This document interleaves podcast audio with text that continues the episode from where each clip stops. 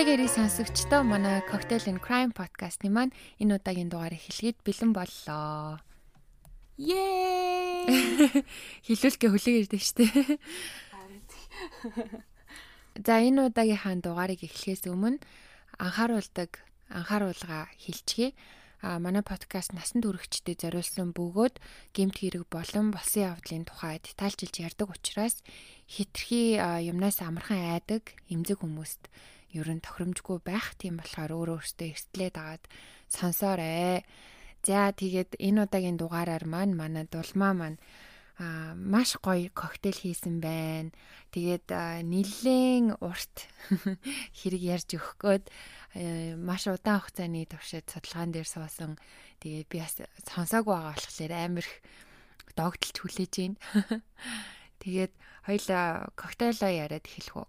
За тэгээд энэ удаагийн дугаараараа сонгосон коктейл маань болохоор Blue Lady буюу одоо цэнхэр бүсгүй гэх юм уу да. Тийм нэртэй коктейл байгаа. Орчин нь маш амархан жен тэгээд баг зэрэг лимоны шүүс аа тэгээ баг зэрэг урд нь хэрглэжсэн нөгөө blue curacao гэд бүтээгдэхүүнийг хэрглэсэн байгаа. Тэгээд эдгээр бүтээгдэхүүний одоо мэдээллийн тухай Instagram болон Facebook дээрээ тавьсан болохоор манайхан сонирхч бол ороод үзээрэй гэж хэлмээр байна. Аа бас дээрэс нь уг нь ойрд юу яа коктейлийн тийм орцын талаар ба жоохон мэдээлэл оруулъя гэсэн боловч Далмаа миний би завгүй явсаар агаад ойрд оруулсангүй хүлцэл өчий гэхдээ удахгүй бүр бөөм бөөнөр нь мэдээллүүдийг оруулах гад бэлдэж байгаа гэдгийг амлая гэсэн. Аха. Манай сонсогчд ч гэсэн амар хөөрхөн баг багаар хийсэн коктейлнуудын зургийг явуулдаг болсон те амар мундаг. Харин чимгэлж мэмгэлцэн. Бараг хоёулангаас нь бүр илүү мундаг амар гоё юмс болчихсон тийм. Ястай ястай. Одоо бараг адилхан өөрсдөө хөгжүүлэхгүй бол сонсогчтой сонсогчдийнхаа хөл чирэгдэх нь штэ. Харин тийм. Тэгээд зураг явуулдаг сонсогчтой маш их баярлаа. За дулмаа маань хэрэгтэй орох уу? Хэний тухай ярих вүлээ? За тэгээ хэрэгтэй ороод энэ хэрэг бас нэг амар адармаатай хэрэг байгаа. Тэгээд э, би бас яг юуны тухай ямар хэргийн талаар ингээд детальчилж одоо судалж ярих вэ гэж бодоод хайгаад явж исэн. Тэгээ энэ хэргийн тухай ингээд э, дээрүүсч яах нэлен дээр сонсч исэн. Бас амар сонирхолтой санагдаад өнгөрч исэн. А тэгээ бас энэ удаагийн дугаараар яагаад сонгох болсон бэ гэхээр би өөрөө Facebook ухаж явж байгаа тарин тийм Монгол Монгол тийм пост хараад За. Тэгээд тэр пост нь болохоор ингээд ер нь жоохон нэг юм шашны тухай постэйсэн баггүй юу? Тэгээд ер нь жоохон сонирхолтой санагдаад ийм ер нь шашны тухай бас ингээд дэлхийн нийтийг болон Америкийн нэгдсэн улсыг ингээд донслогж исэн нэг тийм хэргийг а зохиж авсан байгаа. Аа. За тэгээд тэгээд энэ хэрэг нь болохоор Америкийн нэгдсэн улсаас гараагаа эхэлж Карибын нэг оронд дууссан тийм маш олон талаар бүр эргцүүлэн бодоход хүргэсэн тийм хэрэг байгаа. За одоо хэргийн гол одоо байгууллага гэх юм уу та тэр нь болохоор the people's temple буюу одоо монголоор орчуулах юм бол арт түмний хийд гэгдэх тийм одоо шашны байгууллага байгаа. А энэ байгууллага нь болохоор Америкийн нэгдсэн улсын Индиана мужийн нийслэл болох Индианаполис хотод 1955 онд үүсгэн байгуулагдсан. Тэгээ энэхий энэхүү сүмийн одоо одоо сүм гэх юм уу да хийдэх юм уу одоо ямар ч байсан одоо энэхүү хийдийн одоо шашны үндсэн зорилго нь зорилго тэгээ даган мөрдөг сургаал нь болохоор арьс өнгөний ялгаралгүйгээр эн тэгш байж буруу шашнаас татгалзан өөртөөгөө ангижруулах гэсэн тийм зорилготой.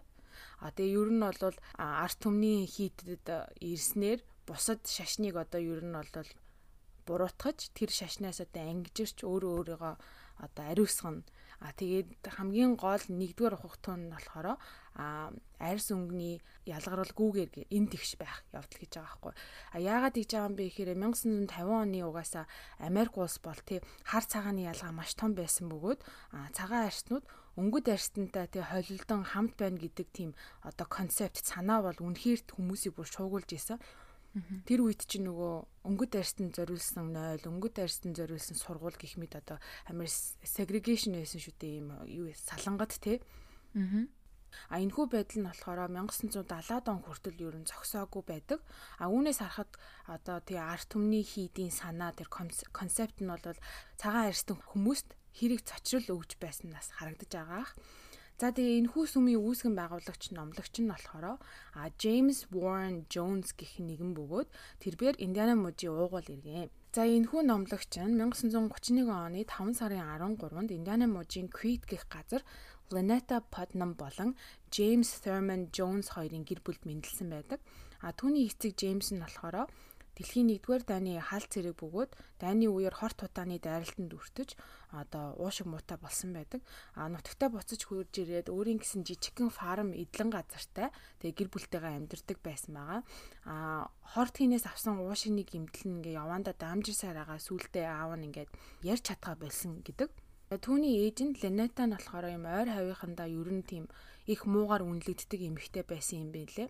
Учир нь гэвэл амар их худлаа ярьдаг мөн тамхи их татаж одоо олон нийтийн газар одоо бие бас бус байдлаар авч явдаг хараалын үг хилдэг ингээл амар ерөн жоохон танхаа нэгэн байсан гэж байгаа байхгүй юу. Энэ хүний нэр одоо бүтэн нэр нь болохоор James Warren Jones гэдэг ч гэсэндээ түүнийг хүмүүс Jim гэж дууддаг. Одоо тийм болохоор ер нь үүнээс цааш юу яачи Jim гэд дуудаад явчих. Jimmy-г төрөх үед Америкт одоо Great Depression era буюу одоо Америкийн эдийн засгийн эдийн засгтээ маш гүн уналтанд орсон байсан. Түүний гэр бүлийг одоо фарма заран өөр тийшээ нүүхэд хүргэсэн байдаг. Яагаад гэвэл одоо фемин юусоо ямар ч ашиггүй байсан учраас арай жоохон том бот руу очиж ажил хийгээд гэр бүл нь нүүдэг. За тэгээ гэр бүлээрээ Индиана мужийн Лен гэх хотод суурьсан бөгөөд тэр үед ингээд бараг ер нь бүх хүмүүс сүмд амир их явдаг байсан. Тэр үед ч одоо нөгөө нэг Христийн шашин бас Америкт бүр амар нөгөө нэг газар авцсан. Одоо юу юм угаасаа л ер нь бол Христийн шашин дагдаг хүмүүс те Америкчууд чинь. Гэхдээ ер нь бол 30 40-од оноор бол ер нь сүмд явдаггүй гэр бүл гэдг нь бүр нэг амар тийм одоо юу хэмдэ нийгмээрээ тийм хүмүүсийг ер нь жоохон жигшдэгч гэх юм уу тийм байсан. Бод тосгоноороо ингээ бүгдээрээ сүм цуглаанд явдаг байхад Жимийн гэр бүл ганцаархнаа явдггүй байсан гинэ. А тэгээ түүний ээж нь болохоор ингээд юунд деважин там байдаг гэдэг итгэдэг. Тэгээ ер нь хойд амьдрал байдаг гэдэгт итгэдэг тийм сүсэг бишрэлтэй нэгэн байсан боловч одоо яг тийм цуглаан сүмд явахыг татгалцдаг. Ер нь өөрийнхөө бодол одоо нэг юу хэмдэ минь би юм юмд итгэдэг би эндээ итгэл ганцаараа одоо залбирлуу залбируул залбираал ингээл байжээ гэсэн тийм үзэл бодолтой хүн байсан юм байлээ. А тэгээ бас ээж нь болохоор ингээ хүүтэйгээ дотн харьцаагүй а Жимиг ер нь бол ингээ хүүгээ гэж нэг амар ойшож харцдаггүй байсан гэж байгаа. Тэгээ ажилдаа явахдаа ингээ гэрээсээ Жимиг хөөж гаргаад цоодлоод явдаг байсан гэж байгаа. Чи тэгээ өдөржингөө гадуур яваад юу хийнү миний асуудал биш гэж ер нь хайхрамжгүй ханддаг. Бүүр юм баг бахтаа эн чин яг хідэн настай гэдэг нь бол а хилээгүйсэн. Гэхдээ ер нь бол 10-аас доош настай байхдаа бүр жоохон байхдаа. Тэгээд Жим ер нь ингээд багаасаа одоо найзууд болон хуршүүдийн хэрэг байнга ингэж эргэлдэж явах болсон гэж байгаа байхгүй. Тэгээ гэрт нь хоол ундгүй болсон үед юм уу эсвэл ээж нь ингээд олон цагаар ажил мажлаасаа ирэхгүй явах үед одоо хуршүүдээсээ хоол ундахгүй ам зогоодог байсан байж байгаа.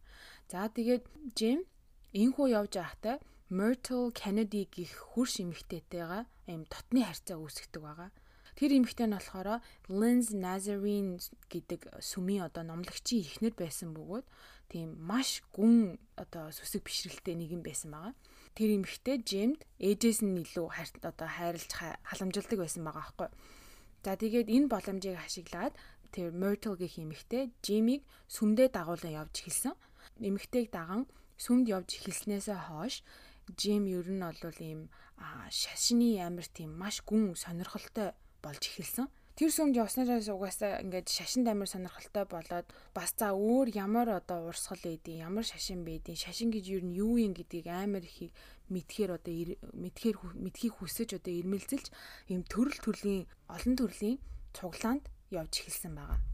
Тэгээ ингээд төрөл төрлийн урсгалын талаар ингэж мэдээлэл цуглуулж эхэлсэн байдаг. А за ингээд багаасаа тэм шашинлаг хүн болж эхэлсэн нэгэн байгаа.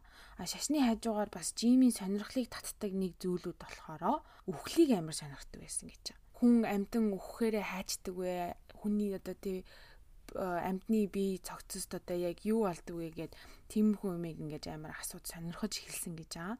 Тэгээ бүр баг бахта а үхсэн амттыг ингээ олж авч найзуудыгаа дуудаад юм оршуулга хийдэг байсан гэж. Тэгээд тэр оршуулган дээрээ ингээд өөрөө нөгөө нэг сүмээсээ сурсан одоо номлол ч юм уу те тэр мэрийга ингэж ярьж тийм ер нь бол ямар ч шашин ингээл а нөгөө нэг лам уурах ч юм уу номлогч хурж ирээл ингээл үг хэлээл ишлэл уншаал тэгдэх те тэгээд жим жоохон бахта ер нь тиймэрхүү юмар тоглох сонирхолтой байсан юм лээ. Жаахан хүүхэд гэхэд маш хачин сонирхолтой байсан мод. Жимиг 10 настай байхад нь дэлхийн 2 дугаартай эхэлсэн байдаг. 10 настай хүүхдүүд одоо ингээл тэр тухайн үед чинь хүүхдүүд цэрэг цагдаа нарыг хараалва ямар гоё юм бэ би ингээд том болоод цагдаа болохыг хүсэж байна. Би том болоод имж болохыг хүсэж байна гэл нэг хүүхдүүд нэг ярьдаг да одоо 10 настай хүүхдүүдийн одоо төсөөллөөр а гítэл Жим ингээд үеийнхнасаа тес ондоо заяо. Түүний хувьд одоо өөрийнх нь ингээ өөрийнх нь сонирхлыг татсан одоо харж авдаг юу н болохыг хүсдэг баатар нь гитлер байсан.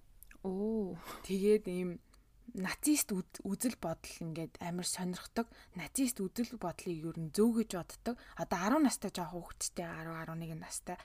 Тэгээд үеийнх нь те одоо би энэ ах шиг ингээд гой том болоод цэрэг цэрэг болоод дайнд явна ч юм уу те эх орноо хамгаална гэж яхад Жим болохоро гитлерийг үнэхээр юм ухаантай хүн юм байна гэд сонин монин байх юм бол тэрийг нь олж харж уншдаг. Тэгээ ингээд нацист нацист тийм үзэл бодлын тухай бичсэн юм байх юм бол хадгалдаг, уншдаг. Тэгээ одоо ингээд харахаар ингээд баг байхта үеийнхнээсээ тис ондоо тийм ярих дуртай зүйлстэй те сонирхолтой шашин 10 настай хүүхэд шашин ингээд сонирхоод явж нэхэр чинь бас сонин санагдаж байгаа зү. Шашин шүтлэг, дээрээс нь үхэл, тэгээ дээрээс нь гитлер, нацист бод, нацист тий. Тэгээ дээрээс нь бас сексийн талаар амар их ярьдаг байсан гэж байгаа. Аль найзуудыгаа цуглуулчаал та нар хүүхэд яаж гардыг мэдхүү. Ингэдэж штэ ээж аа хоёр гэдээ бүр нөгөө найзууд нь бүр ингээ гайхацсан хүү юу ийм томчууд ийм юм хийд юм уу ч юм уу те тэрийг нь жим бүр ингэж ухаж ярьж ингэж найзуудтай хэлж ингэж өгдөг байсан Тэгээд тэр үед нь ингээд томчууд ингээд тиймэрхүү байдлыг нь харсан ч гэсэндээ угаасаа за аав нь угаасаа нэг юм тахир дутуу ээж нь бараг өөрийг нь хүн гэж тооддоггүй нэг өрөвдөлтэй нэг хүү яваал идэг болохоор ер нь ярьж байгаа юмыг инжнийх амар одоо юу хэмдэ ойшоодгүй байсан. За нэг нэг ингээл явж л идэв шиви ивэгээ хайчдаг байсан гэж байгаа байхгүй жоохон багт нь. Түүний баг насны иймэрхүү. Тэгээ Жим Жимиг 16 настай байхад нь ээж нь түүний эцгээс салж Индиана мужийн Ричмонд гих арай том хот руу нүүсэн байдаг. 1948 онд 17 настай Жим эмнэлэгт ажиллахаар орсон байдаг. Тийм гад сонирхолтой одоо үеийнх үеийнхнээсээ тис ондоо хүн байсан ч гэсэндээ хичээл номонда маш гармгаа нэгэн байсан юм билэ. Тэгээд ер нь бол 12 дугаар анги Америкч нь бол 18 нас хүрээд дүүргэж байхад Жим дөнгөж 17 нас хүрэнгуудаа 10 жилээ дууссан байдаг. Тэгээ бүх хичээл дээрээ онц тунтай төгссөн гэж байгаа. Цаа сургуулаа төгсчөөд эмнэлэгт ажилласаар байсан бөгөөд эмнэлэгт ажиллаж байхдаа Marceline Baldwin гих өөрөөс нь 3-аар ихч одоо тухайн эмнэлэгт сувлагчийн сувлагчаар ингээд дадлаг хийж байсан бүсгүүтэй танилцсан. Жилийн дараа буюу 49 онд 18 настайдаа тэр бүсгүйтэй хурмаа хийн гэр бүл болдог байгаа. Нэртэйгээ гэрлээд 3 жилийн дараа буюу 1951 онд Индиана мужийн төв хот болох Индианаполис руу нүүн суурьсан бөгөөд одоо ер нь багаасаа шашин шүтлэг одоо сонирхдаг байсан. Тэгээ сүм мүмд амар их явдаг байсан. Тэгээ ерөөсө номлогч болох мөрөөдлөө биелүүлэхээр зорддог байгаа. За тэгээд 21 настайдаа 1952 онд Somerset Methodist Church хэмээх сүмд одоо номлогчийн шав болж орсон байгаа. Тэр үедээ тухайн сүмээс сурах зүйлээ сурч байсан боловч одоо тэр сүмийн баримтлах зарчим зарим нэг ихтгэл түүнд таалагдаагүй байдаг. А тэгээд тэр сүм нь болохоор зөвхөн цагаан арьст хүмүүс зориулсан одоо өнгөт арьст хүмүүстийг хүмүүсийг цуглаанд хурж ирж те одоо номлол сонсохыг бол зөвшөөрдгөө байсан нь Жими одоо хамгийн их дургуг нь хүргэсэн гэж байгаа аахгүй. Заримдаа дадлагаар ингээд номлох боломж олддог байсан ч гэсэндээ одоо тийм сахил хүрцэн номлогч биш учраас өөрийн үзэл бодол одоо үнцгийг одоо чуулганд ирэгч иргэдтэй хуваалцах боломжгүй байсан гэж байгаа. За өөрийн гэсэн ерөн сүмтэй болохыг хүссэн ч түүнд одоо мэдлэг боловсрол болон туршлага дутагдж байгааг тэр ойлгон одоо эргэн тойрны хот тосгоноор явж за ямар одоо стилийн номлолт үр дүнтэй байна ямар их ямар их хүнийг татаж байна гэдгийг судлах болсон гэж байгаа. Шашин шүтлэг гэдэг чинь бас амар нөгөө нэг а миний хувьд надад тгээ санагддээ штэ. Амар тийм комплекс зүйлтэй. Зүгээр Христ болол Христ болчихгүй. Христ чинь дотроо бас ингээд төрөл төрлөөрөө ингээд явцдаг. Тэгэнгуутаа хин жим болохоор тэр бүх төрлийн сүмд очиж ингээд бүр гүн гүнзгий судалж одоо за энэ энэ сүм тэ ингэж магтан дуулдсан байна ингэж бүжгэлдэм байна гэл бүх юмыг ингээд судалж эхэлсэн гэж аахгүй. 20 идэх нь 21 нас аа судалгаа хийж одоо явж байхдаа revival sermon буюу одоо орчуулах юм бол ийм юу хэмдэ дахин мандалтын чуулган дээр очиж үтсэн байдаг. Тэр нь юу ихээр нөгөө яагаад нөгөө байдаг та? Гаран ингээ номлогч ингээл чиний гаран дээр нүүрэн толгоон дээр чинь ингээл гараа тавиал одоо муу ерийн сүнстэй одоо дөөхөөс зайл одоо энэ өвчнэн зайл гингу бүх юм зүгээр болоод нөгөө хүмүүс нь ухаан алдаж унангуудаа босч ирээл би идгэрчлээ би идгэрчлээ гэж тий. Тэгэл нөгөө номлогчоо мөргөж зөргөөл зүгээр штэ бөө юм болол миний би аврагдлаа би ирүүл боллоо. Нөгөө таягтай явж исэн хүмүүс чинь таяга авч шидээл тэрэгэн зэр дээр сууж исэн хүмүүс чинь босч ирж бүжиглээл те тиймэрхүү одоо чуулган дээр очисон байгаа байхгүй юу. Тэгээд нэг юм үлгэрийн чим шиг үзүүдлүүд нь хүмүүсийг бүр асар ихээр ингэж татаж байгааг анзаарсан. Тэгээ ингээ ажаа хараад байхаар маш олон хүмүүс ирээл чуулганд оролцоод маш олноороо одоо байгаа хідэн төгрөг зоосоо номлогчийн тэр агуу тэр ил бишидтэй одоо ил бишидтэй жив хэмтэй одоо хүчтэй бурхны одоо хамаг хүч цугларсан гарт нь ингээл өгж өгж байхыг харсан байгаа байхгүй. Тэгээ харчаад за энэ бас шашин шүтлэг бас мөнгө олох бар асар том боломж гэдгийг олж харсан байдаг. За тэгээ нэг иймэрхүү төрөл төрлийн сонин сонин тийм чуулган дээр очиод одоо юу юу болдог юу одоо өөрт нь илүү хэрэгтэй одоо хүмүүсийг илүү өөрлөнд татаж болохын талаар мэдээлэл одоо цуглуулад. За тэгээд шай болж орсон Methodist Methodist сүм дээрээ номлол эхлэхээс өмнө одоо цуглаанд ирэгч нартай ярилцсан. Эсвэл ингээ хажуугаар нь явж байгаа ч юм уу хажууд нь зогсож жагаад тэдний хоорондоо ярих яриаг сонсон сонсон анхаарч одоо юу н хиний хинбэ те тэр хүн одоо ямар ужиг өвчтэй ямар зүйл түүнийг одоо шаналгаж байгаа талаар мэдээлэл цуглуулan номлынхаа дундуур тэдгээр хүмүүсийг дурдан одоо бурхан чиний тухай надад хэлсэн би одоо өчтөр залбирж байхад чиний нэр чиний дүр төрх одоо миний миний бодолд орж ирсэн. Тэгээ чамайг бурхан орхоогүй гэдгийг надаар дамжуулан чам сануулж байна гэх мэтэр цуглаанд ирэгчдийн тархийг угааж эхэлсэн гэж байна. Тэгсэн мөртлөө зүгээр ер нь бол яаж мэдж байгаа гэхээр угаасаа хүмүүсийн ярьж байгаа юмыг ингээл сонсоол тэгээ бас дээрэс нь өөрөө нөгөө ер нь бол онц сурлагтай толгой сайтай хүн байсан. Ой тогтолт маш сайн гэсэн байсан гэж байгаа байхгүй. Ер нь бол ямарваа нэгэн хүнийг хараад тэр харсан царайгаа ер нь мартдаггүй нэрийг нь цээжилчдэг те энэ ингэдэг тэр тэгдэг тэрний найз энэний найз ийм ажил хийдэг иймэрхүү амьдралтай гэд ер нь болоо таарлцсан хүн болгоныгаа тэгээд цээжлээд авчдаг. За тэгээ иймэрхүү байдлаар ер нь хүмүүсийн толгойг ирүүлсээр байгаад 2 жилийн дараа буюу 23 настай Джем өөрийн гэсэн тийм жижиг цуглаантай болсон байдаг.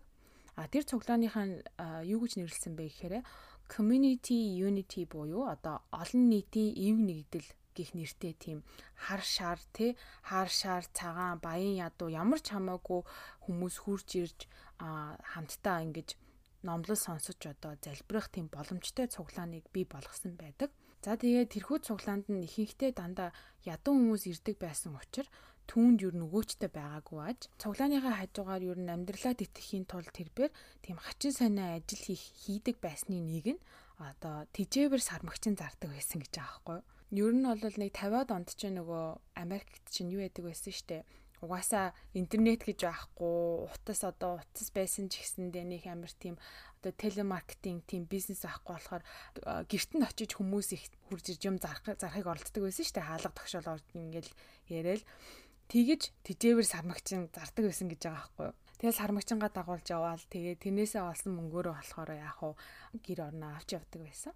Тэгж явсаар агаад 1956 онд 25 настайдаа сахил хүртэн номлогч болсон байдаг. За тэгээ сахил хүртэнгуудаа тэр жилдээ а хамгийн түрүүнд дурдсан одоо People's Temple буюу арт түмний хийдийг үүсгэн байгуулсан байдаг. Тэгээ түүнийг ер нь нийгмийн одоо нийгмийг тэ арьс өнгөөр ялгарлах үзлээс ангижруулах концепт нь одоо маш олон хүний түүн татсан байдаг. Мөн дээрээс нь одоо healer буюу эдгээгч номлогч болсон байдаг. Өөрийнх нь ирсэн тэр нөгөө арт түмний хийд дээр ирсэн хүмүүсийн тархийг яаж угаасан бэ гэхээр өөрийнх нь доор ажилдаг туслагч эмэгтэйг те тэрэгэнцэр дээр суугаад сүм рүү оруулаад номлол эхлэхээс өмнө те Тэгэнгуутаа ингээд одоо номлолын дундуур одоо хин одоо өвчнөөсөө ангиж ирэхийг хүсэж ийн гингууд нөгөө эмхтэй нь гараа өргөөл. Би одоо ингээд тэ ингийн байдлаас олоод явж чадхаа болцсон гингууд жим жим очиал за би чамайг одоо бурхны нэрээр одоо эдгэн ингээд тэр эмхтэйгээ одоо олон нийтийн өмнө ер нь бол ингэж жүжиг тоглолдог байсан байгаа байхгүй юу А тэгж явсаар агаад ер нь тийм эдгээгч номлогч гэдэг нэртэй олчихсан. Хүмүүс итгэдэг тэрэнд нь бас дээрэс нь энэ тэгш тий одоо арьс өнгөөр ялгарах ялгарах тийм мэдрэмж одоо авахгүй гэдэг утгаараа хүмүүс одоо маш олноороо түүнд одоо татагдах болсон. Одоо түүний одоо хийдэд тий сүмд. Дээрээс нь одоо түүний номлох арга барил одоо стил гэх юм уу? Та ер нь тийм чанга дуутай маш их бүжиглэж дуулдаг. Одоо ер нь за нэг бараг нэг юм шоу шиг юм бол ตก байсан. Тэрийг хаанаас бас ингээд санаагаа олж авсан бэ гэхээр өнгөт арстнуудын сүм чинь нэг тийм байдэн штэ African American хүмүүсийн сүм. Ер нь цагаан арстнуудын сүмээс бодвол илүү ингээд дуулаад бүжиглээл те бурханлуу ингээд хандаал ингээл орилол ярьдаг тийм одоо арай нэг юм илүү энергтэй гэх юм уу та? Тийм байдэн штэ Тэгээд олон сүмдэр очиж тийм туршлага туршлага судалж явж байхдаа за энэ бас хүмүүсийг бас ингээд цусыг хөргөж чаддсан байх гэд өөрийнхөө сүмийн стилийг нэг тийм болгож явуулсан гэж байгаа байхгүй. За тэгээд сая дурдсан шиг арьс өнгөний үзлийн хувьд одоо тий цаг үе маш имзэг хүнд байсан нь одоо түүнийг бас олон түмэнд хүлээн зөвшөөрөгдөхөд бэрхшээл болсон. За тэгээ ер нь Америкийн эргийн мужууд болох болон тийм том хотууд л одоо ер нь илүү арьс өнгөний эргэтгэж байдлыг одоо хүлээн зөвшөөрсөн үе байсан шүү дээ. Одоо жишээлбэл одоо Калифорни муж те тэгэл Нью-Йорк ч гэх юм уу тийм олон олон төрлийн хүмүүс одоо гадаадаас ирдэг тийм газруудаар бол юу хэмдэ арай жоохон нөгөө open minded те арай өөрөөр сэтгэдэг байсан. А харин Америкийн одоо газар нутгийн дунд байрлах мужуудад жишээлбэл Индиана, Ohio, Kentucky, одоо Wyoming, Idaho гэл нэг хөдөөний нэг юм мужууд идэв штэ. Тэр мужууд одоо ер нь бол одоо хүртэл тийм л дээ. Ер нь жоохон racist буюу тийм арьс өнгөөр амар их гадуурхдаг тий. За тэгээд ер нь бол нэг юм бүрхэг сэтгэлгээтэй тийм мужууд штэ одоо хүртэл ер нь жоохон тийм одоо 2021 он гарчаад байгаа чаа. Тэгэхээр чин бүр 50-аад онд бол бүр амар хэцүү байсан ойлгомжтой. 50-аад оны Индиана мууж бүрхэг үзэлтэй байсан учраас Жимийн босгон байгуулсан сүмийг racist ард иргэдүүд болон эрх мэдэлтнүүд жигшиж эхэлсэн. Одоо ингээл жоохон дээрээс нь дарамтлах гал тий одоо ийм юм байж болохгүй болохгүй ухааны юм яриад.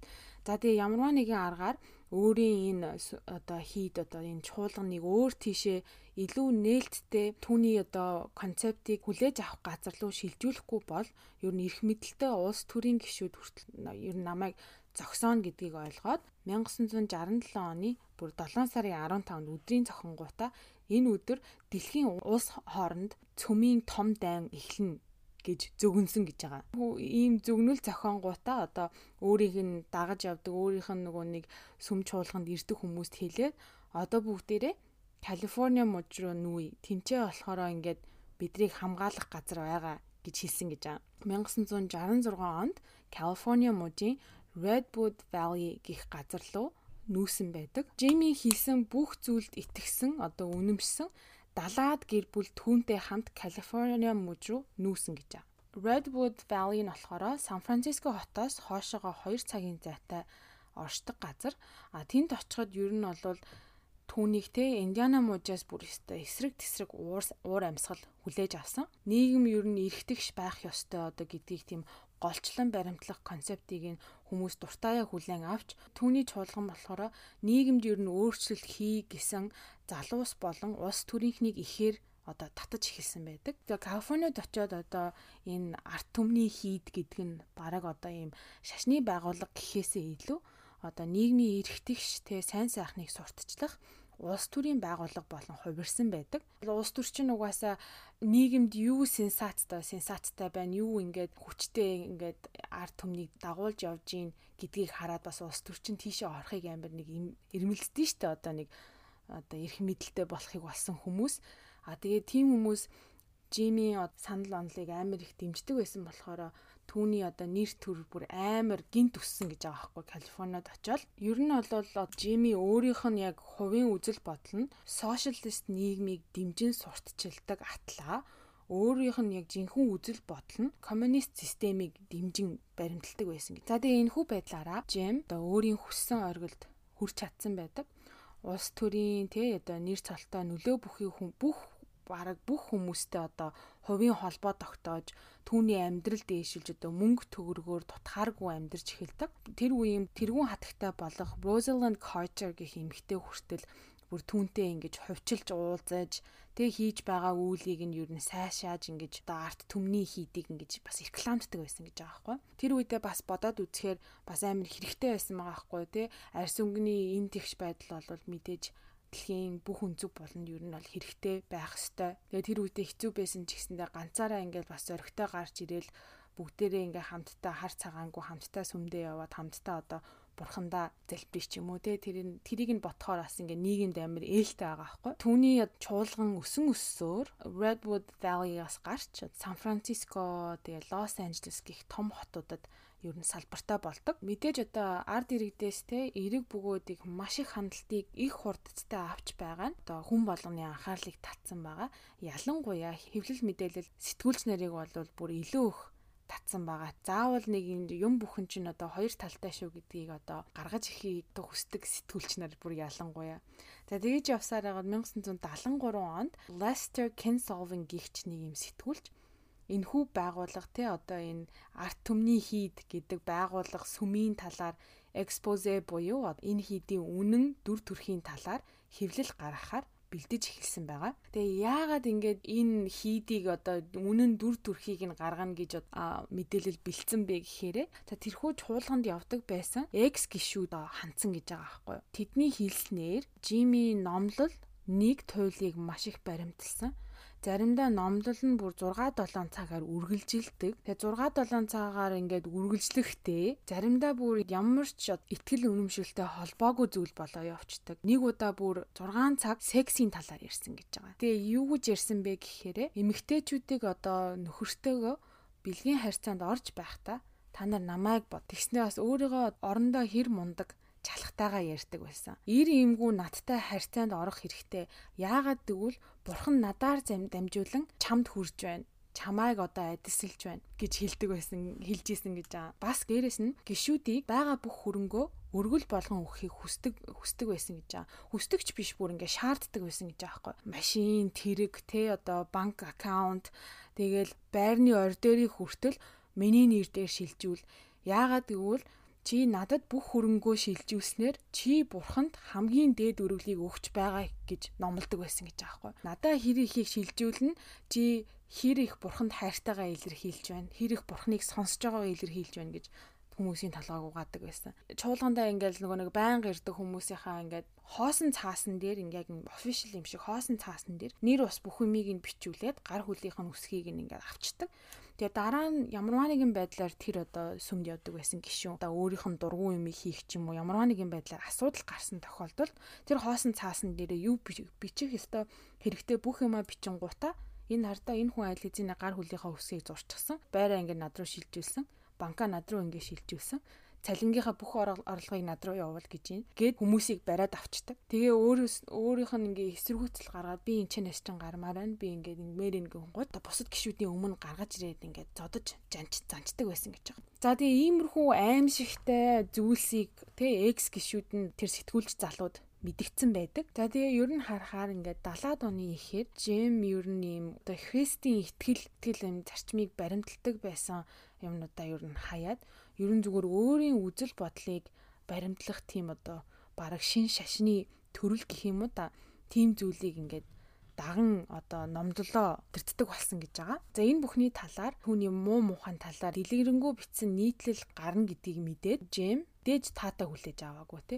Тэгээ яг Америкийн одоо нийгэм түүний үзэл бодлыг 100% хүлээн авахд бэлэн бус байгаа гэдгийг ойлгож одоо Plan B буюу хоёр дахь төлөлгөөгөө гаргасан гэж байна. За ямарваа нэгэн юм болох юм бол мөн дээрээс нь одоо өөрийнхөө хүссэн оргилд хүрлээ гэж ботсон чинь одоо шунал нь илүү дэвэрч те одоо бүр илүү төгс төгөлдөр цогц нийгмийг бүтээхийг ирмэлцэж мөрөөдөж эхэлсэн нь Plan B гэдэг хоёр дахь тэр төлөвлөгөөгөө юу гэж нэрлсэн бэ гэхээр арт түмний хийдийн хөдөө аж ахуйн төсөл хэмээн нэрлж олон газруудаар явж одоо өөрийнхөө шин байгууламжийг нээхээр зорьсон байдаг. 1973 болон 74 онд өөрийн ихтгэлт дагагч нартайгаа Өмнөд Америк твдэх орнуудаар зочлон одоо өөрийн төсөөлж буй тэр socialist utopia буюу одоо социалист системтэй төгс төгөлдөр цогц нийгмийг бий болгох байршлыг хайж эхэлсэн. А тэгээ бүр Канад руу явж үзсэн, Барбадос тэгээ Тринидад гэл одоо Карибын тийм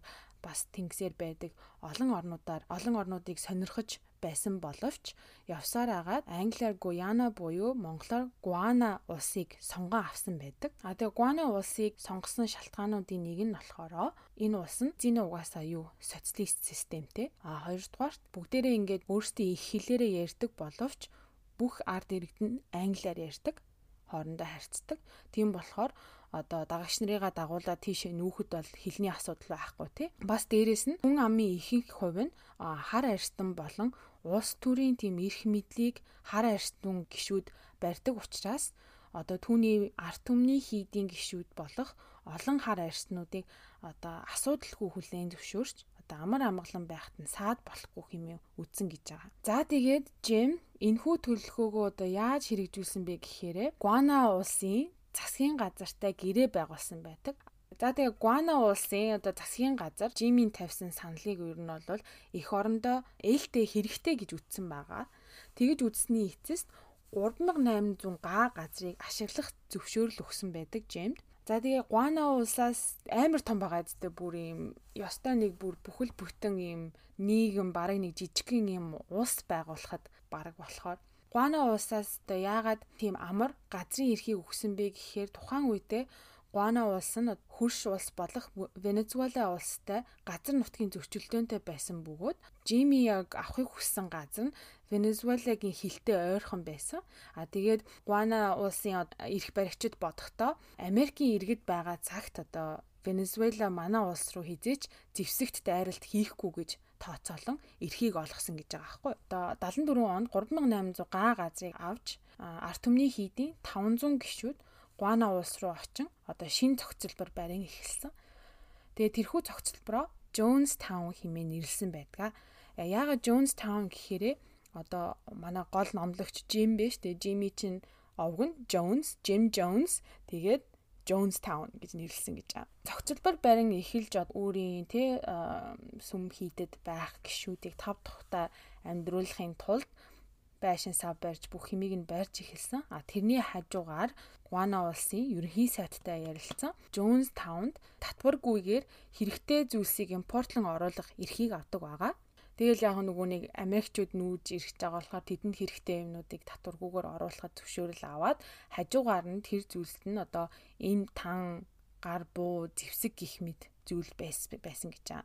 Ямарваа нэгэн байдлаар одоо бид нараас өөрсдөө одоо хамгаалах ёстой гэд авчирсан гэж байгаа байхгүй юу зэвсэг. Jonestown гих цогцлбороо ашиглалтанд оруулахад бэлэн болж Америкаас одоо гişүүдээ их хэмжээгээр авчирхийг хүсдэг А эрхийг хүссэн бүх хүмүүст цагаачлал эрх олгох юм бол арт түмний хийдийн нэр дээр байх 500 мянган ам долларыг одоо Гуана улсын эдийн засагт оруулан эргэлдүүлж мөн одоо Америк Гуана хоёр улсын дипломат харьцаанд эргээр нөлөөлнө хэмээн амлалт өгснөөр одоо тийм их хэмжээгээр цагаачлалын эрхийг авч чадсан байгаа Гуана улсаас. За тэгээ ер нь бол ажил төрлөн ингээ бүр нэг амар бүтэцтэй яваад байгаа зин хүний Тэгсэн чи ухаас амар бүр амны фигүр гэж бүр амар чихэн дээр зүгээр цэцэрлэг ургуулдаг хүн заяо.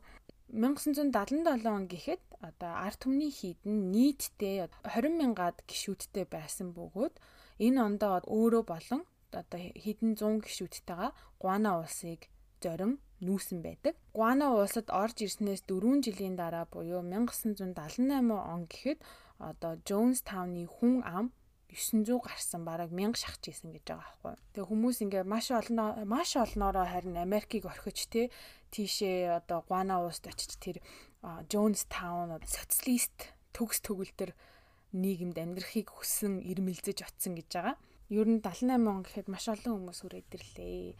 Тэгээ ер нь хүмүүсийн төсөөснөр угаасаа бүх юм нь одоо төгс төгөлдөр газар дээрх социалист диважин хэмээн төсөөлж ирсэн боловч одоо ирснээс ирснээс хойш одоо бүх зүйл дээр шал ондоо гэдгийг ойлгодог байгаа тэдгээр иргэд. А тэрний одоо нэг жишээ гэх юм бол Жим од тэднийг өглөө 6-аас орой 6 хүртэл ажилуулдаг. Өдөрт нэгэн цагийн цайны одоо цагтай. Тэгээ ажлын дараа социализмын тухай одоо хичээл болон олон нийтээрээ хамт тийм ямарваа нэгэн үйл ажиллагаанд заавал оролцох бүр шаардлагатай байсан гинэ. Тэгэл өдөржингөө ажиллал ногоо тариал байр сав барайл халуун наранд тэгэж ажиллаж ажиллаж ирснээр оройн заавал тийм юмд очих шаардлагатай.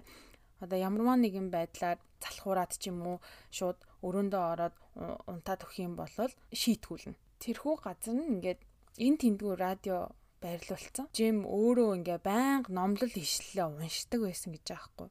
Өдөржингөө тоглолцдог. Бас заримдаа бүр шүнжэнгөө тэрийг тоглолцдог байсан гэсэн. Ер нь одоо номлол нь бас заримдаа Гитлер, Сталин эсвэл Ким Ил Сон гэх одоо гих мэд тийм түүхэнд муу нэрээр алтарсан хүмүүсийн илтгэлийг радиогоор уншиж өгдөг байсан гэж байгаа иргэдтэй.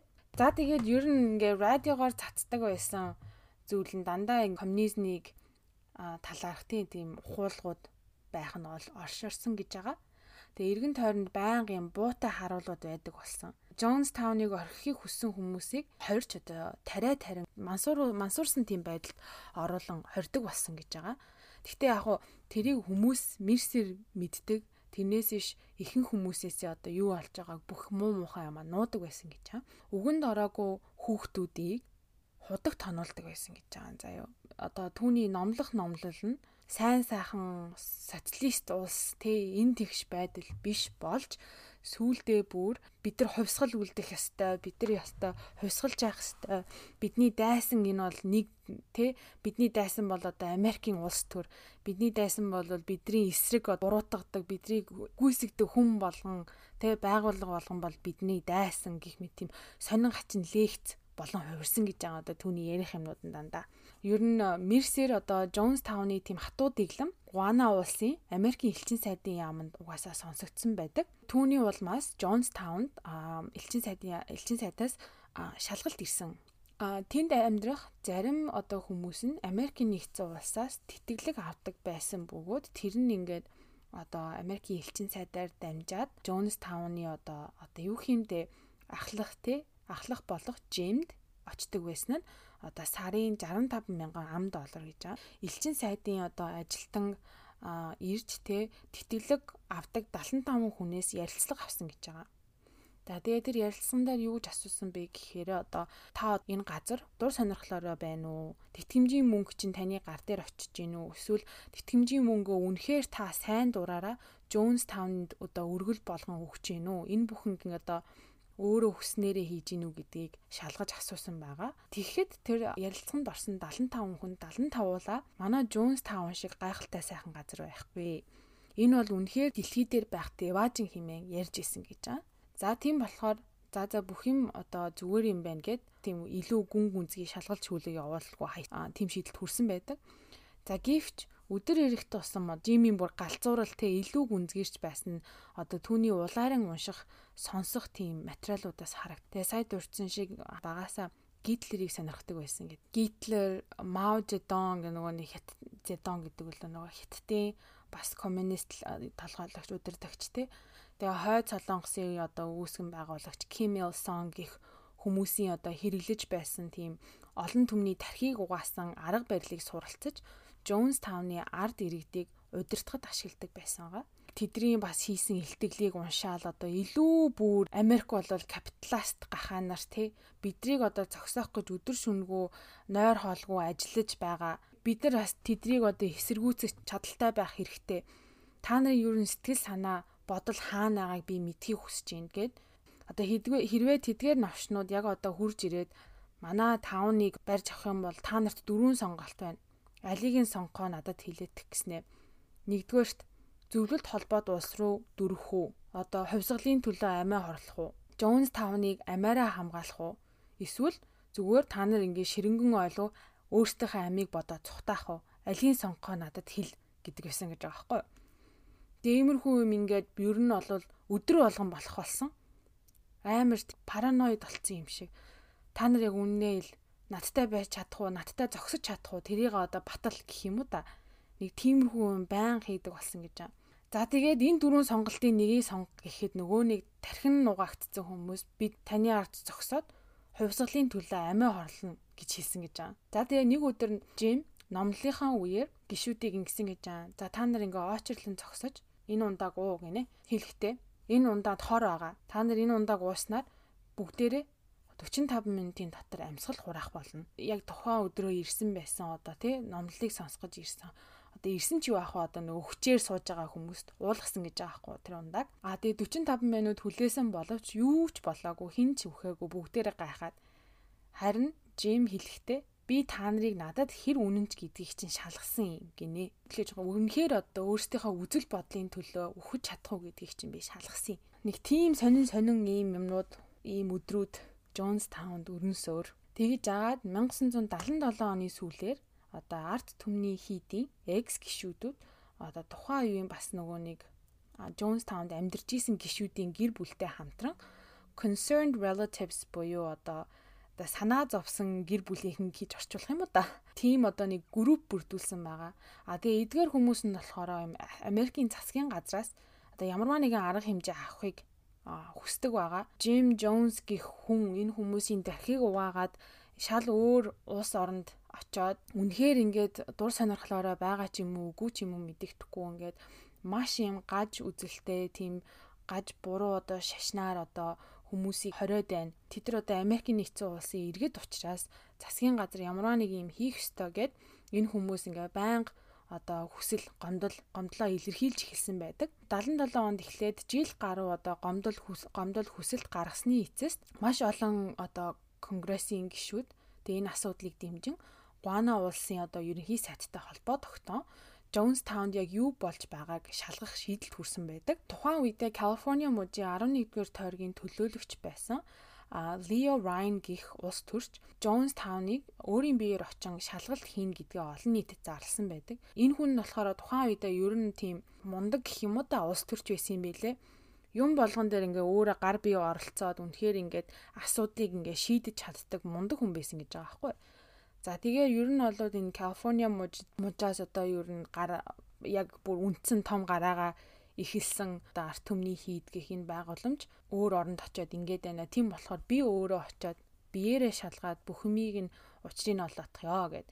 За тэгж хэлээд 1978 оны 11 сарын 14-ний өдөр 25 хүний бүрэлдэхүүнтэй Гуана улс руу ниссэн байдаг Америкаас. Тэр бүрэлдэхүүнд сэтгүүлч сэтгүүлч нар тэгээд Райны туслах бас гэр бүлийнхаа гишүүнийг олж авах сонирхолтой хид хідэн иргэд явсан аж. Улсд очиж 3 хоногийн дараа 11 сарын 17 оны өдөр Leo Ryan Jonestown руу нэвтрэх ирэх аван цочилсан байдаг. Тэр оройноо орол Jim Jones болон одоо Jonestown-д амьдрах арт иргэд эргээр хүлээн авчтай оройноо ингээл дуулж бүжин ингээл хүмүүс бүр ингээд амар аз жаргалтайгаа харагдсан гэж байгаа байхгүй. Тэрэ нөгөө э, хэлсэн үгийг сонсоод алга ташаал баярлал дэмжээл одоо яг л нөгөө нэг цуглаанд явж байгаа юм шиг те бая ингээл амар гоё аз жаргалтай харагдсан байдаг.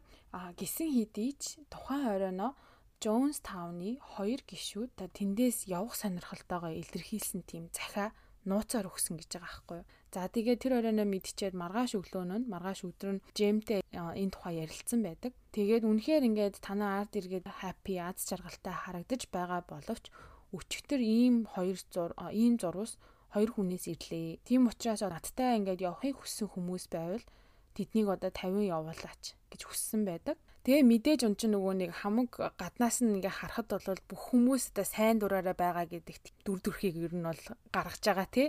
Тийм болохоор угаасаа нөгөө явахыг хүссэн хүмүүсийг чинь улаан цантер Leo Ryan гэдэг хүний нүдэн дээр та нар явж болохгүй гэж хэлж болохгүй хэлж болохгүй штэ. Окей, явахыг хүссэн хүн байвал явж болно гэд 11 гişүүд одоо гэртээ хайхыг хүсэж Жимээс зөвшөөрлөө авсан байдаг. Тэр үедээ ингээд 11 хүн бас ингээд явах гэж бөө юм болсон байгаа заяо. Нэг залуугийн эхнэр нь ингээд үлдэх гээд тэр залуу болохоор би хоёр хүүхдээ аваад бүгдээрээ явъя гэд ах ихнэр нь үгүй одоо би жимиг л даах ёстой. Энэ бол зүгээр зүгээр л ёстой 100% үнэн энэ хүн бүх үннийг хэлдэг. Би тийм муухай хорцсон тийм нийгэмд буцаж очиж амьдрахыг хүсэхгүй байна гэд бөө юм болсон гэж байгаа байхгүй. За тэгж тэгж жагаад 11 хүн явахаар болж байгаамаа. Америк дахь гэр орнолгоо буцах сонирхолтой хүмүүс нэгдсэн учраас эрэхтэй сууж исэн нисэх онгоцонд багтахгүй байсан учраас одоо элчин сайдын яамнаас хоёр дахь нисэх онгоц явуулахыг хүссэн байдаг. А тэгээ тэр хугацаанд Конгрессийн гишүүн Лео Райан болон бусад хүмүүсийг гаргаж өгөх зорилгоор хамт явсан Jim Jones-ийн дагагч нарын нэг болох Larry Layton гинт тгсэн байгаа. Би бас ингээд та нартай ерөөсөө хамт Америк руу буцъя. Бодлоо өөрчлөлөө гэж хэлсэн гэж байгаа. Тэр үед урд нь тэр Jim Jones-ийн одоо нөгөө хараат доор байсан ex гишүүн нэг хүн тэгэж хэлсэн гэж байгаа байхгүй юу? Энэ Larry Layton гих залуу би таньнаа Тэгээ энэ бол бүр Жимийн бүр юм үнэнч дагагч нарын нэг тийм ч амархан одоо эндээс явахгүй байх гэж сэжиглсэн гэж байгаа. А тэгсэн боловч нөгөө Leo Ryan одоо явахтай хүн бодлоо өөрчилж болно штэ аваад явъя ухааны юм ярьсан гэж байгаа байхгүй. За тэгээд Larry гих залуу хамт явахаар боллоо. Хоёр нисэх онгоцондоо хуваагдаж орж эхэлсэн байдаг. Эхлээд нисэх болсон онгоцонд Larry суусан байдаг. Тэгээ онгоц хөөрөхөд бэлдэж байх явцад Larry гар буу гаргаж ирэн зорчигчд болон онгоцны нисгчүүдийг буутсан байдаг. Тэр нөгөө нэг экс гишүүн одоо сэжгэлсэн нь бол яг зүг болж таарсан. Тэгээд онгоцон дотор буун дуу гармагц нисэх онгоцны талбай дээр Jones Town-ы хэсэг одоо тийм бүлэг бүхий хүмүүс ачааны машин дээр зэвсгэлсэн байдалтай гарч ирэн хоёр дахь онгоц нь суух гэж буй хүмүүс рүү буудаж эхэлсэн байдаг. Тухайн үед хамт явсан бүрэлдэхүүний нэг нь болохоор одоо энэ хүү бүх байдлыг баримталжод бичиж авахын тулд явж исэн камерамен зураглаач залуу байдаг. Тэр залуу одоо ингээд Jones Town-аас бид нэр явахгүй явах гэж байна гэж бичлэг хийхэд буудаж эхлээд яг тэр буудал цааны бичлэг байдсан байлээ. Тэгээ хөөрхий тэр зураглаач залуу өөрөө буудуулан амь насаа алддаг.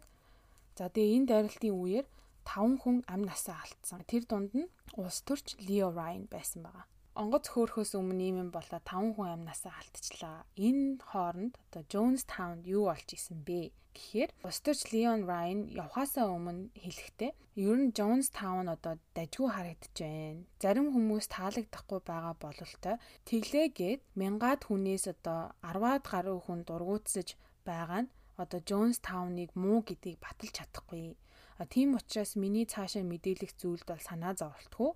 Дургу байгаа хүмүүс нь баг надтай ингээ явж гин. Бусд нь одоо сайн дураараа үлдчихэж байгаа болохоор нөх амир тийм зовлонтой хэцүү хүний ирэхэд халтсан газар шиг харагдахгүй байна гэдэг дүгнэлт хийсэн гэж байгаа байхгүй. Джеймдтэй өөрт нь ингээ тэгэж хэлсэн боловч Жими хувьд одоо бүх зүйл дууссан мэт санагдсан гэж байгаа. Лео Райныг явсны дараа Джонс Тауны одоо ард ирээдийг номлолын танхимдаа цугларахыг хүссэн байдаг. За тэгээд тэр хоорондоо ер нь нэг 44 минут хэртэ номлол айлцсан байдаг. Иргэдийг одоо тэр танхимд ирэхэд ийм маш том түмхэнд ийм улаан өнгөтэй ундаа бэлдсэн. Хажууд нь ингээ баахан жижигхэн цаасан аягнууд тавьсан. Жим номлолоо эхлэхдээ бид бүгд одоо эрх чөлөөтэй амьдарч чадахгүй юм бол нүүр бардам үхснэн дээр одоо тэд удахгүй биднэрүү давтлах болно. Биднэрүү давталж бидний гэр орон сүйтгэх болно. Хүүхдүүдийг минь боолчилж биднийг тарчлаан зовоох болно. Тийм учраас энэ бүгдээс өөрсдийгөө хамгаалан хамгаалахын тулд бид нэр нэр төртөөгөр өөхөх ёстой хин номлолоо эхэлсэн гэж байгаа. Одоо түүний хийсэн энэхүү одоо 44 минутын аудио бичлэг байдаг. Death tape буюу одоо үхлийн бичлэг. А яагаад үхлийн бичлэг гэж нэрлэж байгаа юм бэ гэхээр том савн дотор найруулсан байсан ундаа нь болохоро тайвшруулах юм болон хор ингээ сиропонд холчихсон. Тэгээ тэр нөгөө аудио бичлэгийг нь сонсож байхад маш олон гişүүд одоо түүнийг маш олон иргэд түүнийг одоо дэмжиж одоо бушуухан өхий. Бурхан биднийг одоо хэр зөв, хэр үнэнч амьдрсныг мэдэж байгаа учраас бид дахин төрнө. Эсвэл одоо тэг биднийг деважин хүлээж байгаа гих мэтэр тэр хүмүүс уралдаж хэлж исэн гэж аахгүй амар олон одоо бичлэгийнх нь линкийг нь тавихаар манайхан сонирхоод үзээрэй яг англиар байгаа. Энэ бүх одоо балаа балмад үгст итгэсэн иргэд нэг нэгээрээ ундааг уун амиа эвгүүтгэж эхэлсэн байдаг. Хамгийн их нь хүүхдүүд амь насаа алдсан бөгөөд ээж аав нь хүүхдүүдэд хор өгж алсан байдаг. Нэлэх нэрэ хүүхдүүдэд бас яаж тэрийг уулгасан бэ? Шипризэнд одоо нэг зүүгийг аваад тэ шипризэнд хийсэн хорыг одоо хүүхдүүдийн амруу ингээд им өгч байгаа юм шиг хүчээр шахаж өгсөн байсан. Хүмүүс эхнээсээ нас орж эхлэхэд зарим иргэд айж эхлээд одоо ер нь бодлоо өөрчлөхийг оролцсон боловч эргэн тойронд одоо зэвсгэлсэн жимийн бүр үнэнч дагагч нар ингээд сүрдүүлж исэн гэж байгаа тэдрийг. Ер нь бол нэг бол өөрөө сайн дураараа энэ хорийг уугаад үх эсвэл бид нар чамайг буудаж аална гэдэг л яна энэ бүх явц одоо яаж мэдээд байна гэхээр бүх зүйл нь тэр үхлийн бичлэгт бичигдсэн байдаг. Тэг хүмүүс хор уугаад амиа хорлоод нас орж эхлэхэд жим ингээл номлолоо одоо номлолч гэжтэй ярьсаар байсан. Тэгэл тэр хүмүүст хэлэхдээ төвчээртэй байгаарэ. Үхэл бол одоо энэ амьдралд хэдэн өдөр байснаас илүү бүр хэдэн мянга дахин дээр шүү. Үхсэн нь дээр. Хэрвээ юу хүлээж байгааг та нар мэдвэл өнөөдөр ийм сонголт хийж байгаадаа та нар баярлах болно. Тийм болохоор битгий аа төвчээртэй бай. Jonestown тэр өдөр 1978 оны 11 сарын 8-ны өдөр амиа алдсан хүмүүсийн тоон 900 гаруй.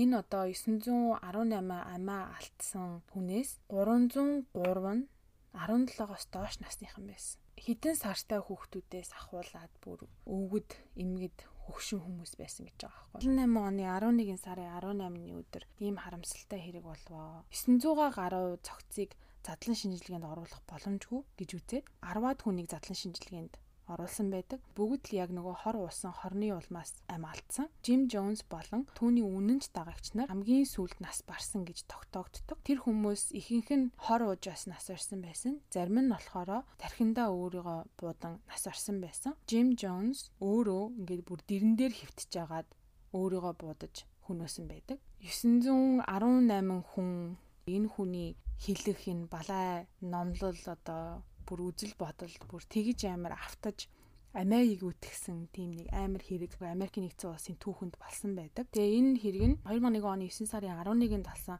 террорист хоёр өндрийн ажиллагаа. Тэрнээс өмнө одоо Америкийн түүхэнд бичигдсэн хамгийн их одоо хохиролтой шуугантай хэрэг гэж үздэм билээ. Энэ бүх зүйл болсны дараа хэн хариуцлага үүрэх вэ? Яг юу болов? гэх асуулт мэдээж дэгдэж эхэлнэ. Гэтэ харамсалтай нь угаасаа энэ бүх зүйлээс хэргийг хүлээсэн нэг л хүн байдаг.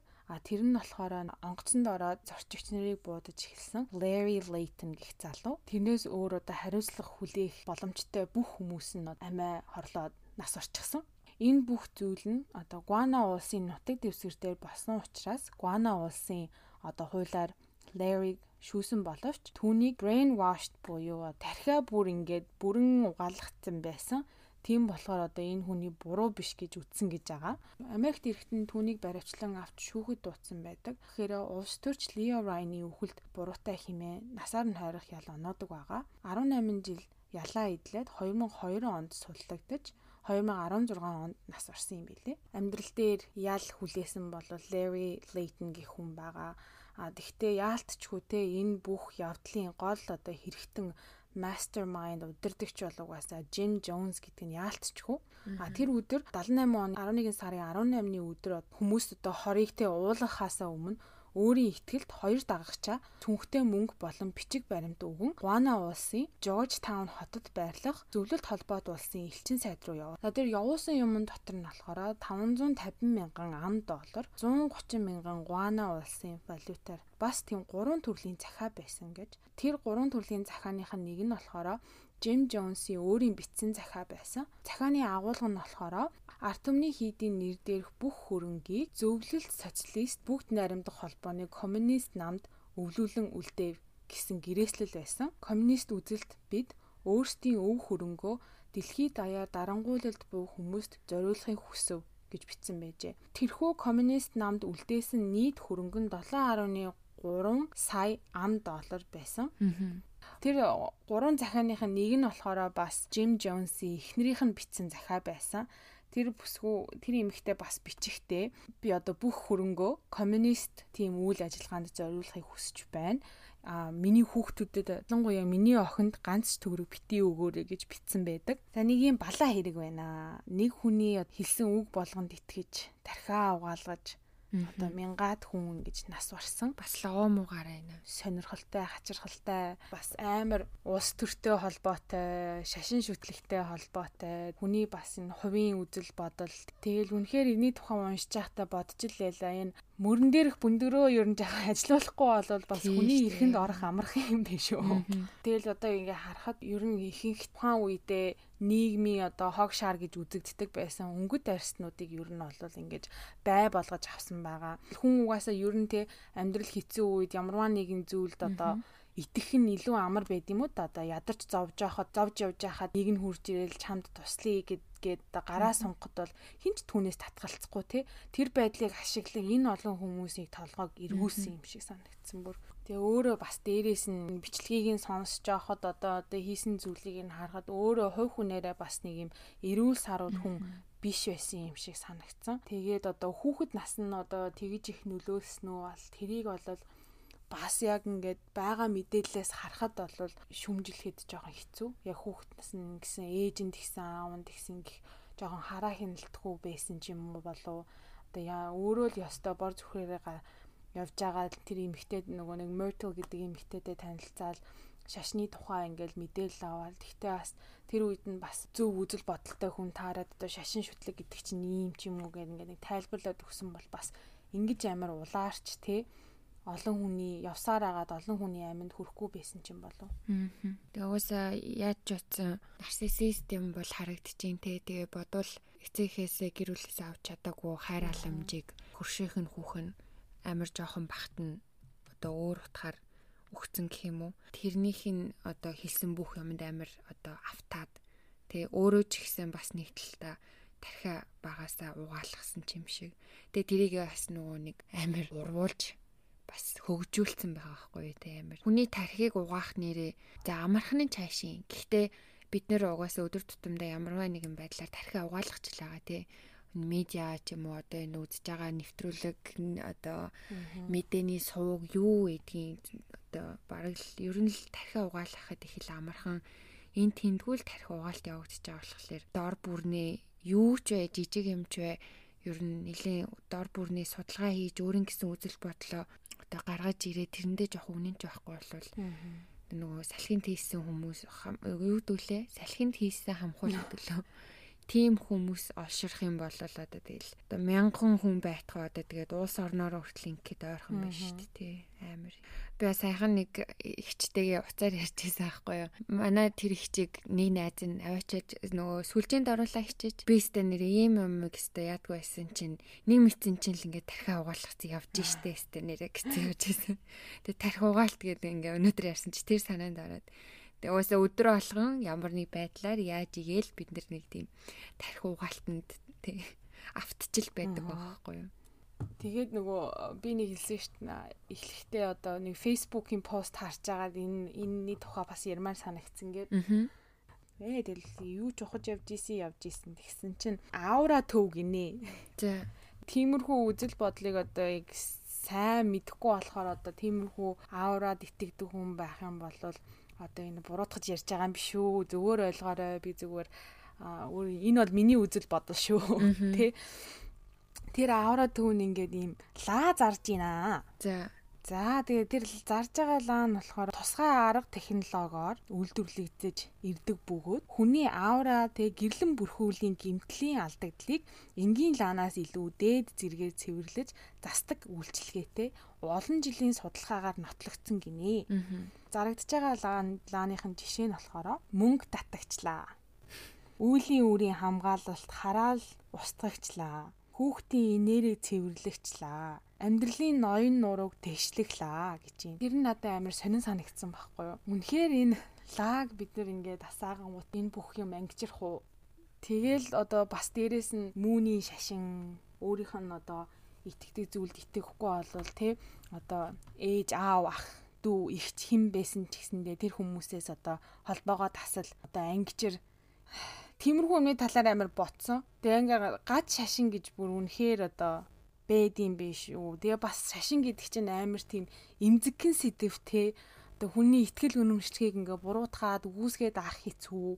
Бас дээрэс нь ингээд заагээ бодцохоор бас биш арай биш юм шиг те нөгөө зарим юм нөө зарим одоо ихтгэл сүсэг бишрлээс гайхмаар одоо яг cult гэж байгаа штэ гад шашны урсгал тий.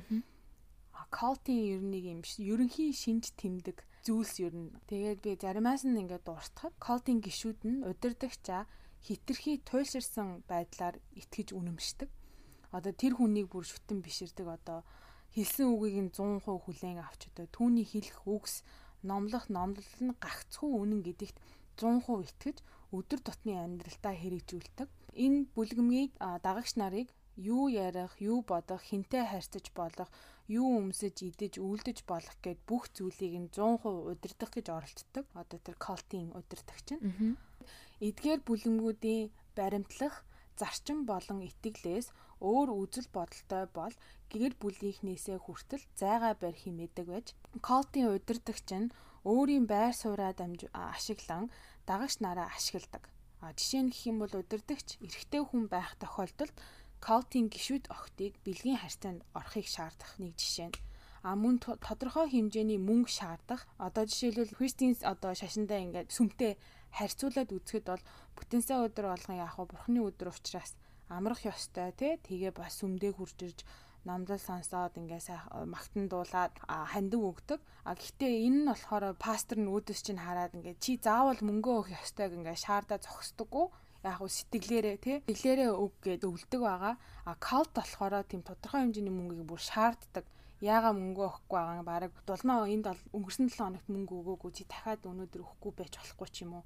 Нэг тиймэрхүү одоо зан характертай одоо ер нь юм болгоныг ингээ шаарддаг бүр заавал хийх ёстой юм шиг тийм байдаг гэж байгаа. Тэгүн тэгэл яг нэг иймэрхүү шинж тэмдэг байх юм бол ер нь манайхаа тэгээ явж байгаа газар чинь иймэрхүү юм үзүүлэх юм бол коттеж магадгүй шүү. Шашны гаж урсгал ээж магадгүй шүү. Тэгээд ялангуяа миний сонссноор тэр Христийн нэрийг барьж маш олон тийм жижиг сажиг колтууд байдаг гэж сонсч ирсэн. Тэгээд Монголд бас зөндөө олон тийм жижиг сүм өмнөд байдаг гэж нэг газараас уншиж исэн юм байна. Тухайн үед бол би ерөөсөө Монголд тийм колт байдаг гэдгийг ерөөсөө мдээгүй л дээ. Яг уу бидний мэдгцнээр шуурж ийснээр одоо тэр мөнлээ штт те танихгүй хүмүүстэй гэрлүүлдэг би би нэг огт хараагүй хүмүүстэй гэрлүүлдэг цалингийнхаа 30%-ыг насан туршдаа өг гэж хэлдэг. Мөн бол яалтчгүй колт. Тэгээ бусд нь бол өстө үнэхээр сонсож байгаагүй юунууд зөндөө идэг гэсэн Монголд. Тэгээд энэ юусоо тийм засгийн газраас ямар ч тийм зохицуулт байдаггүй ямар ч цензургүй байдаг учраас нэлийн дураараа байцгаад юм шиг байгаа. Тэгээ ялангуяа тэр хөдөө орон нутагт байдаг хүмүүсийг ерөн ерөнхийдөө одоо нэг жоохон онилж тэдний тэднэр дээр тулж ажилтсан юм шиг байгаа. Тэгээд бид нэр одоо яг уу дор бүрнээл жоохон судалгаа сайн хийж одоо ихтгэл үнэмшилтэй байгаа юмаа сайн судалж мэдэж ард нь юу байгаа хизээ үүссэн яад яагаад яагаад тэр юм шүтээд байгаа гэдгээ сайн ойлгохгүй болвол бас л нэр шиг ингээл нийгмээрээ юм юмд автахад бас нэлийн амархан амар цөөхүлээ. Тийм болохоор бас жоохон санаа зовдгийн. Тэгэл эвгүй шүү дээ. Эвгүй шашин шүтлэг гэдэг чинь бас хүн амьтандаа бас ингээд нэг илэн далангуу ярихад амар хэцүү сэдвүүдийн нэг те. Хүнд санаа зовоо за найзаа те чи ингээд байгаа юм биш үү? Энэ явж байгаа газар чинь ийм юм биш үү гэд хэлэхэд бас хэцүү бас хэлэхгүй байх хэцүү. Тэгээ яага хэцүү миний хувьд хэцүү гэж боддог вэ гэхээр тэр хүний одоо ихтгэл үнэмшлэгийг нь л ер нь үгүйсгэж буруутгах гад байна гэсэн үг шүү дээ. Одоо тэр нагаа сэтгэлийг нь Тэгээ нөгөө хүн гомдчих чинь болов яах чинь билээ. Аа. Гэхдээ яах вэ одоо бас эргээ ойр татны хүн тийм буруу юм руу яваад байгаа юм шиг харагдах юм бол мэдээж зориглоод ярих ёстой сэдвүүдийн нэг бах. Аа. Тэгээ нэг иймэрхүү хэрэг байна. Надад л тэгээд санагдсан бас ингээд амар чухал сэдвүүдийг хүндсэн юм болоо. Одоо тэгэл шашин шүтлэг, шашны гаж урсгал энтергээд ярихангуут хүмүүс нөгөө сатаны тухай их асууж исэн. Хоёлаас урд урдны дугаарууд дээр урд урдны дугаарууд дээр сатантай холбоотой одоо хохирогчд ч юм уу эсвэл одоо алуурчд өөрсдөө сатаныг сатаныг шүтдэг ч юм уу ямар нэг байдлаар холбоотой хүмүүс мерсэр ярьсан штэ. Тэгээ тэрийг тэрэн дээр одоо тэр дугааруудын доор комментуудаар бас мессежээр хит хит асуултууд ирж исэн тоор сатаны тухай юу гэж боддөг вэ а сатаны шашны талаар тоор дэлгэрэнгүй яриад өгөөч гэд сүулт бас нэг хүнээс мессеж авсан. Тэгэхэд нөгөө нэг сатаныг та хоёр яг зөв талаас нь судлаад үзээрэй бас яг ярьж байгаа шиг ч юм биш шүү энэ төр гэсэн байсан. Шашин шүтэх, эс шүтэх болвол хүн болгонд байгаа эрхтэй одоо азар бидний амьдарч байгаа нийгэмд одоо биднэрт хууль харин сайхан эрх болгоод өгцөн штэ тий. Тийм болохоор би бол хизээж таны шашинг одоо бойл муу муухай мангар тэнэг бол гэж хэлэх эрх эрхийн ч надад байхгүй тгийж хэлэхчгүй хэрвээ үнэхээр сатаны одоо шашныг бүтдэг хүмүүс байвал Монголд байдаг гэсэн гол нь тэр яг яагаад шүтэж байгаа гэдгээ ойлгодог болов гэж найдаж байна. Одоо ойлгодгүй бол бас хэцүү л байна л да. Яагаад тэгэхээр тэр ч амар олноор нь амтны ам хороодог те дахил өргөх нэрийн доор одоо бас хүний ам хороож исэн тохиолдлууд маш их байдаг. Тэгээ мэдээж бүх одоо сатан шүтдэг хүмүүс тэгдэг гэж би хэлээгүй. Гэхдээ ерөнхийдөө бол тийм тохиолдлууд маш их байдаг. Тэгээ дээрэс нь Монголд авсанд хэвтдэг хэсэг бүлэг хүмүүс байдаг гинүү. Өөрсдөө сатан шүтдэг гэж хилдэг хүмүүс гинэ. Гэх мэтчлээ одоо нэг тийм хүний ясноос гаж тэ яаж ч оцоо одоо эрүүл логикоор бодоод яаж ботсон байх боломжгүй те. Тийм юм хийгээд байгаа бол та бас шашнаа сайн судлах хэрэгтэй юм болов. Төвлөө юу юу гүйл та магтай бүр хитэн зугаар нь алаал те. Би бас нэг тийм сонсч ирсэн байхгүй юу? Нэг жалганд маш олон туулай Аа тэгээд дараа нь хизээ нөлөө амар олон тагтаа энэ төр олсон гэд. Тэгээд тэр нь яасан гэсэн чинь баахан өөртөө сатан шүтдэг гэж ярьдаг хүүхдүүд аваачаа дахил өргөж ингээд олноор нь алаа жалганд хийцэн байсан тухай Монголд штэ. Сонсч ийсэн. Тэгээд тэр үнэн ч байх худлаач мэдээ энэ олон хүмүүсийн яриануд бол ортой л ээж таараа байх. Тэгээд үнэхээр тийм дахил махил өргөдөг эсвэл одоо үнэхээр тэгэж авсан авсан твтдэг гэдэг ч одоо юу гэсэн үг юм бэ те? Яг яг зорилго нь юу юм те? Ямар учиртай юм? Тэрийг нь сайн ойлгодог мэддэг байгаасаа тэрийг тайлбарлаж чаддаг байгаасаа те? Базаад хэлэхэд таны шашин юу байх нь хамаагүй те хамгийн гол нь цаад утга учир цаад юм нь юу юм тэгээд үнэхээр хүний усанд нийтэд байна уу одоо юу гэдэм бэ логикоор бодцооё гэжтэй хэлт юм уу яа тий. Би бас яг гоёор хэлж чадахгүй байна. Sorry гэж. Одоо нэг бусдад одоо юм уу муухай хүсдэггүй. Тэгээд ер нь бол одоо хувь хүний сүсэг бишрэлч гэсэндээ яг зорилго нь бас ингээд нийгмээрээ эрүүлийн хад жаргалтай энэ тэгш сайн сайхан байхын төлөө байвал одоо Мэдгүй дээ. Миний хувьд л надад тгийж санагддээ штэ. Бусдын төлөө ингээд өөрийгөө зориулах ч одоо заавал зориулах нь ч юу юм те. Бусын сайн сайхныг бас ингэж бодож тунгааж явах нь бас зөв одоо тэхгүй ингээл одоо сая чиний хэлсэн шиг ингээл тэнэг тэгж тахил өрөг ингэж тахил өрөг гэдэг ах юм бол надад бол миний хувьд бол амар тийм гажил сонсогдно. Гаж шашин шиг сонсогдно. Ямар л одоо зөв юм нь одоо очир хүн алаа тахил өргөдөх гэх үү. Тийм штэ тийм ээ. Манай сонсогч дундаас бас ийм 9 жорын тийм колтын тухай сонсч исэн байвал комент хэсэгт үлдээгээрээ эсвэл бит хоёр лөө мессежээрээ инстаграмаар. Илүү одоо мэдээлэлээ тэлмээрэн нь Монгол тас яг яг юу хаана юу яаж явж гин те хэмэр хүн юу дуулдаж гин. Надад бол тийм мэдээлэл авахгүй би юус тийм хүмнийг сонсож байгааг одоо юу л ядаа хардсан штэ. Фейсбүүкээр байгаа тэр мөн зүүний тухай л их сонсон. Тэрнээс ш одоо чиний сая дурдсан тэр колтууд ш авсан дэвтдэг мэвтдэг гэ. Тэр мөрний талаар би юусоо сонсож байгаагүй юм байна За маш сонирхолтой сэдвийг хүндсэн. Сонирхолтой бас хэрэг ярьж өгсөнд улмаада маш их баярлалаа. Би энэ тухай бас нэг хальт сонсч ирсэн болохоос бас яг юу болсон, яг энэ жим гихч нөхөр яг ямар хүн байсныг өстө сонсож байгаа юм байна. Их сонирхолтой байлаа. За тэгээ манай подкастыг та яг одоо сонсож байгаа платформ дээрээ лайк дараад, шеэр хийгээд дургүй байвал дислайк дараад тэгээ сэтгэлээ үлдээгээрээ.